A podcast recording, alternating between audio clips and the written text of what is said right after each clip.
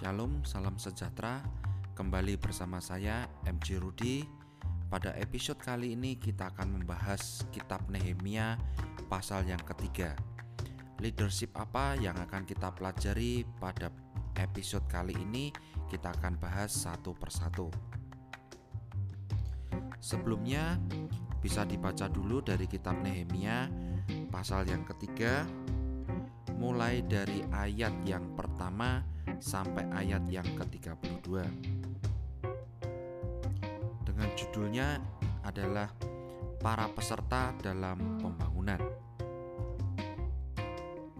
Maka bersiaplah imam besar Eliasib dan para imam, saudara-saudaranya lalu membangun kembali pintu gerbang domba mereka mentahbiskannya dan memasang pintu-pintunya. Mereka mentahbiskannya sampai menara Mea, menara Hananael. Berdekatan dengan mereka, orang-orang Yeriko membangun. Berdekatan dengan orang-orang itu, Zagur bin Imri. Pintu gerbang ikan dibangun oleh Bani Sena. Mereka memasang balok-balok lalu memasang pintu-pintunya dengan pengancing-pengancing dan palang-palangnya Berdekatan dengan mereka, Meremot bin Uria bin Hakos mengadakan perbaikan dan berdekatan dengan dia, Mesulam bin Berekia bin Mesesabel. Berdekatan dengan dia, Sadok bin Habana mengadakan perbaikan dan berdekatan dengan dia orang-orang Tekoa. Hanya pemuka-pemuka mereka tidak mau memberi baunya untuk pekerjaan Tuhan mereka. Pintu gerbang lama diperbaiki oleh Yoyada bin Paseah dan Mesulam bin Besoja. Mereka memasang balok-balok balok-balok lalu memasang pintu-pintunya dengan pengancing-pengancing dan palang-palangnya. Berdekatan dengan mereka, Melaka orang Gibeon dan Yadon, orang Meronot mengadakan perbaikan beserta orang-orang Gibeon dan Mispa yang berada di wilayah kekuasaan bupati daerah sebelah barat Sungai Efrat. Berdekatan dengan mereka, Uziel bin Harea, salah seorang tukang emas, mengadakan perbaikan dan berdekatan dengan dia Hananya, seorang juru campur rempah-rempah. Mereka memperkokoh Yerusalem sampai tembok lebar. 9. Berdekatan dengan mereka, Refaya bin Hur penguasa setengah wilayah Yerusalem yang satu mengadakan perbaikan. Kita bisa baca terus sampai ayat yang ke-32. Nah, apa yang kita bisa pelajari dari perikop Nehemia yang kedua ini yaitu adalah para peserta dalam pembangunan. Nah, yang bisa kita pelajari dari leadership Nehemia adalah satu, Nehemia bisa membagikan job description secara detail kepada masing-masing pemimpin yang mengadakan perbaikan di wilayah mereka. Jadi, job description atau detail pekerjaan mereka, mereka sudah tahu apa yang akan dikerjakan.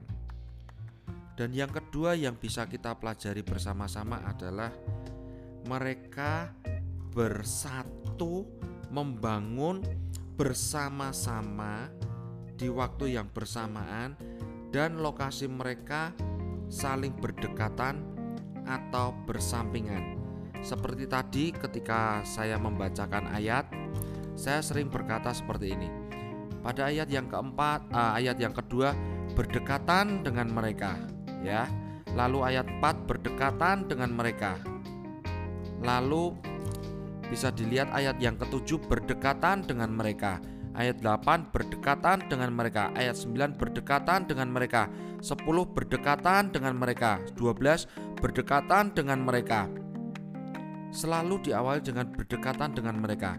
Ketika kita mulai menyentuh ke ayat yang 16 dikatakan di sampingnya. Ayat 17 di sampingnya. Ayat 18 di sampingnya. Ayat 19 berdekatan dengan dengan dia Ayat 20 di sampingnya. Ayat 21 di sampingnya. Ayat 22 di sampingnya. Ayat 23 di sampingnya. Ayat 24 di sampingnya. Ya. Jadi kita bisa melihat uh, sampai ayat 29 pun dikatakan di sampingnya. Ayat 30 di sampingnya. Ayat 31 di sampingnya. Jadi mereka saling berdekatan dengan dari perikop ini kita jelas mereka posisinya saling berdekatan dan mereka mengerjakan bersama-sama. Kita sudah belajar pada Nehemia yang kedua. Kemarin kita belajar pada episode sebelum ini bahwa ketika Nehemia 2 ayat 18 dikatakan, "Ketika aku beritahu kepada mereka betapa murahnya tangan Allahku yang melindungi aku dan juga apa yang dikatakan raja kepadaku, berkatalah mereka, kami siap untuk membangun." Saya ulang, kami siap untuk membangun. Dengan sekuat tenaga, mereka mulai melakukan pekerjaan yang baik itu kemenangan Nehemia kemenangan Nehemia yang pertama adalah kata sepakat dari para pemimpin lokal. Kata sepakat bahwa mereka kami siap membangun dan dengan sekuat tenaga mereka mulai mulai melakukan pekerjaan yang baik itu. Makanya kita bisa lihat pada pasal yang ketiga mereka benar-benar sepakat membangun bersama-sama. Lalu pelajaran apa yang kita bisa pelajari berikutnya adalah mereka yang membangun itu terdiri dari berbagai status sosial. Ada yang imam, ada yang dikatakan juga tukang emas, ada yang juga dikatakan juru rempah-rempah atau juru campur rempah, ada juga yang dikatakan orang-orang Lewi. Bahkan kalau kita bisa bedah ya, ada banyak penguasa ikut ambil bagian dalam pembangunan ini. Kita bisa lihat di ayat 9, Refaya penguasa setengah wilayah Yerusalem. Ayat ke-12, Salum penguasa setengah Yerusalem yang lain. Ayat 14, Malkia penguasa wilayah Betkerem. 15, Salum penguasa wilayah Mispa. 16, Nehemia bin Asbuk penguasa setengah wilayah Betsur. 17, orang-orang Lewi, imam-imam. Hasabia, penguasa setengah wilayah Kehila.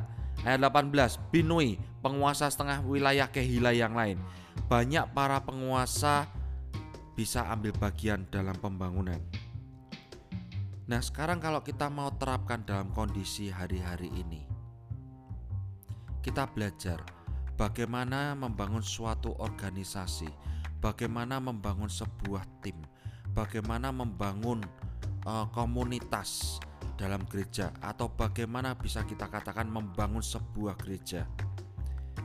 Kalau kita tidak memandang status sosial, semua orang terlibat dalam pembangunan dan bergerak di bidang atau divisinya masing-masing dan kita bisa gerak bersama-sama. Membangun itu dibutuhkan unity dan membangun itu dibutuhkan kebersamaan, saling berdekatan, mengerjakan secara bersama-sama, tidak saling menunggu tapi kita kerja bersama-sama, saling menopang satu dengan yang lain dan yang pasti kita mempunyai job desk atau pekerjaan job division masing-masing dan kita fokus akan pekerjaan kita. Itu yang bisa kita pelajari dari kitab Nehemia pasal yang ketiga. Demikian podcast ini.